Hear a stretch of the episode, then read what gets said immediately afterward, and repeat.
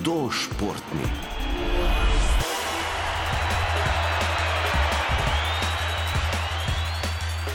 Medtem ko smo se minuli teden osredotočili na izvajanje vaj za moč za roke zunaj in če smo sami, bomo danes govorili o vajah za noge. Najosnovnejša je, to smo se že naučili, počep, a zunaj, v parku ali v naravi so lahko naši pripomočki nekoliko drugačni kot v stanovanju. Več Darjan Spudič iz Ljubljanske fakultete za šport. Če se dotaknemo še enkrat teh zunanjih fitnesov in pa pripomočkov, ki jih najdemo v naravi, Um, in če se dotaknemo še malenkost bolj večjih mišičnih skupin, se pravi uh, nog uh, in trupa, je definitivno priporočljivo tudi, da izvedemo kakšen počep, poleg tega, da, da krepimo mišice uh, ramenskega obroča. Um, in sicer počep je verjetno najbolj enostavna in najbolj prilagodljiva vaja. Vendar tudi najbolj učinkovita, kar se tiče doseganja neki, neke priporočene telesne dejavnosti, in zajemanja mišičnih skupin, ki morajo biti vključene v vadbo. Pomembno pa je, da tudi pri počepu, enako kot pri ostalih vajah, eh, začnemo počasi, progresivno. Um, in ravno to nam te pripomočke, ki jih najdemo v naravi, tudi omogočajo. Če se sprehodimo čez park, definitivno uh, najdemo klopco. In prva vaja, um, s katero bi začeli krepiti, bomo rekli, iztegovalke nog, velike mišične skupine nog, je sedanje na klopco. Se pravi, začnemo z v, v tem primeru omejenim obsegom giba, se pravi, ne spuščamo se čisto do tal in zaradi tega smo si to vajo olajšali.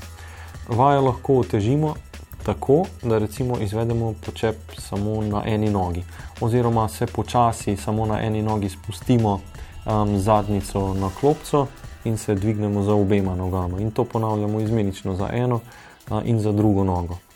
Dodatno lahko vajo utežimo s tem, da se odmaknemo stran od klopce in a, delamo počepe a, globje, a, oziroma če smo sposobni, verjamem, da marsikater mladostnik to je sposoben, da izvedemo enostavno pravi počep kar na eni nogi.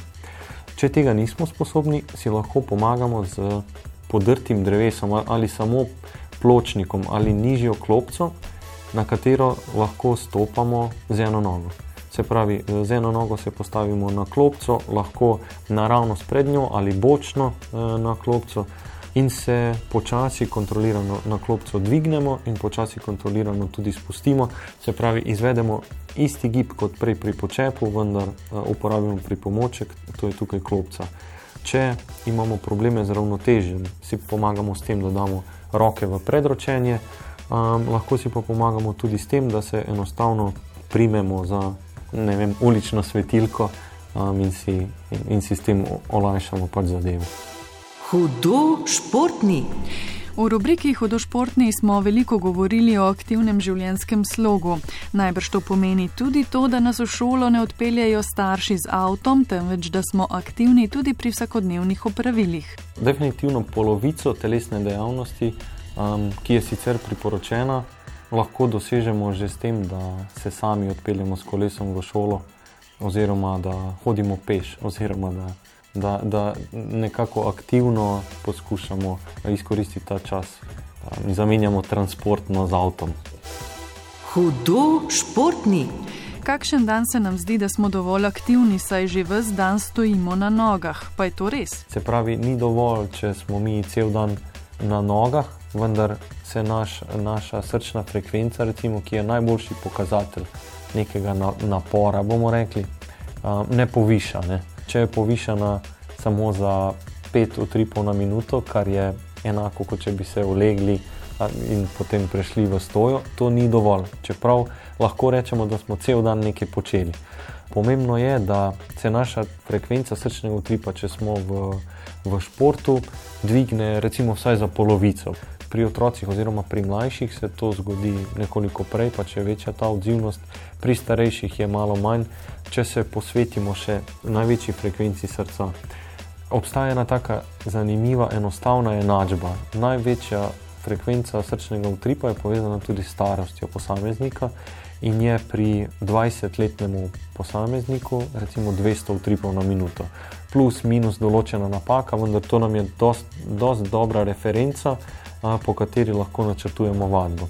Za neke pozitivne učinke se mora frekvenca srčnega utripa pri vadbi dvigniti na recimo vsaj 60%, 60 do 80%. Bomo rekli, da smo nekaj res naredili za srčno-žilni sistem. To, če si preračunamo, je pač neka vrednost, recimo okrog 150 utripov na minuto ali še več. Po čemu se mladostniki razlikujejo od e, starejših, je to, da morajo za pozitivne učinke dosegati nekoliko višjo intenzivnost telesne dejavnosti kot pa starejši. Se pravi, ne vem, starejši morajo doseči 140 utripov na minuto, medtem ko mlajši 160 no, ali, ali pa več. To je um, neko osnovno merilo, ki se ga uh, držimo. In zdaj to je neka nam objektivna mera, in zato potrebujemo vsaj merilnik uh, srčne frekvence.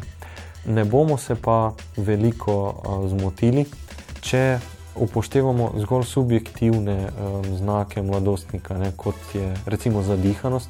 Če smo zadihani in, in če lahko zraven uh, pojemo, to pomeni, da je ta intenzivnost premajhna.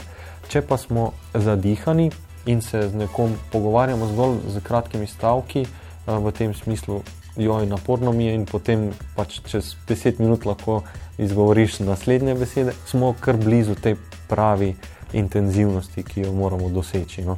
To je eno merilo. Se pravi, po tem je logično, da smo malo bolj preznojeni, pojavi se rdečica, to je v bistvu to, kar si mi želimo doseči.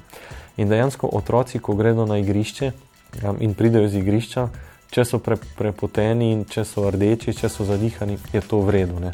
In zaradi tega se mi to zdi najboljši približek, brez uh, kompliciranja za doseganje um, pač, telesne dejavnosti, ki je potrebna za zdravje. Hudo športni.